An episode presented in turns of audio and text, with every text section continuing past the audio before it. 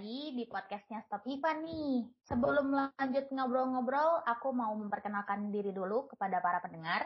Kenalin, nama aku Putri Hovia, biasa dipanggil Putri, dari Divisi Kewirausahaan.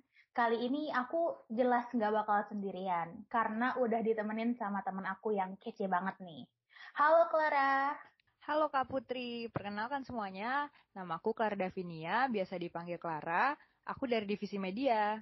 Clara, apa kabarnya nih? Baik dong Kak Putri. Kak Putri sendiri gimana nih?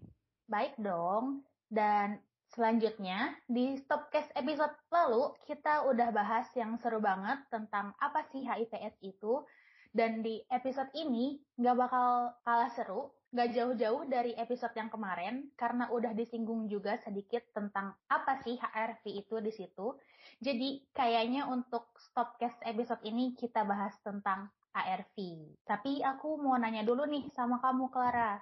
Kamu tahu nggak sih apa itu ARV?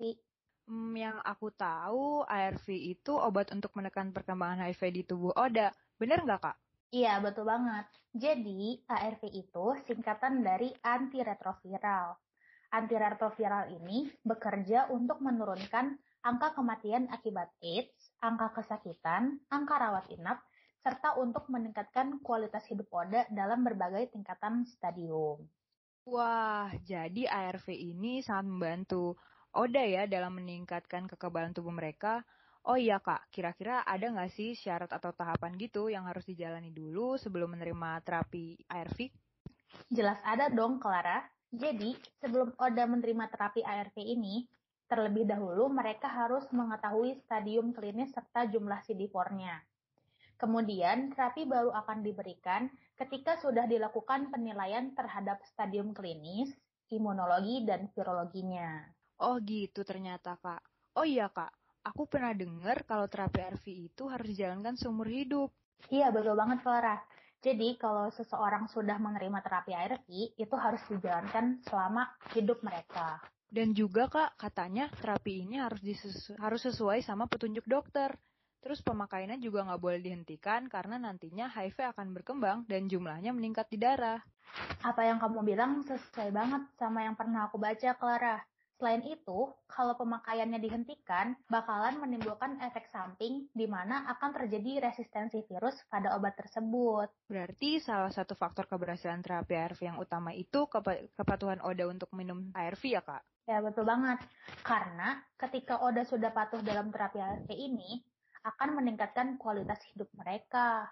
Oh iya kak, tapi kayaknya kebijakan pemberian terapi ARV ini selalu berubah nggak sih? Ya seiring perkembangan bukti ilmiah dan ketersediaan layanan internasional. Iya betul banget. Dan semakin dini Oda mendapatkan terapi ARV, semakin terhindar juga mereka dari risiko terkena penyakit oportunistik serta menularkan infeksi HIV-nya. Wah, berarti emang ARV ini manfaatnya besar banget dong ya. Aku juga pernah baca untuk pedoman pemberian terapi ARV di Indonesia sendiri, terus diperbarui secara periodiknya. Terus pembaruannya juga mengacu pada pedoman dan rekomendasi WHO. Iya, sejalan dengan perkembangan bukti ilmiah yang meliputi kajian klinik serta penelitian yang observasional, seperti efikasi, efek samping obat, dan pengalaman pemakaian ARV di berbagai program di negara-negara yang memiliki sumber daya yang terbatas seperti obat dan biaya. Jadi, menurut aku nih, Oda nggak perlu ragu dan takut lagi untuk menerima terapi ARV. Wah, bener banget tuh Kak Putri. Jadi, Clara, kayaknya karena udah keasikan ngobrol nih dari tadi, kita cukupkan saja episodenya di sampai di sini, karena kalau nggak dicukupin di sini, bakalan kepanjangan nih, Clara. Ya, sayang banget Kak. Tapi gak usah khawatir, karena ke depannya bakalan ada podcast-podcast lain yang gak kalah menarik pastinya. So, tungguin aja ya stopcast selanjutnya. Oke, sampai di sini aku dan Clara pamit. Sampai jumpa. Dadah!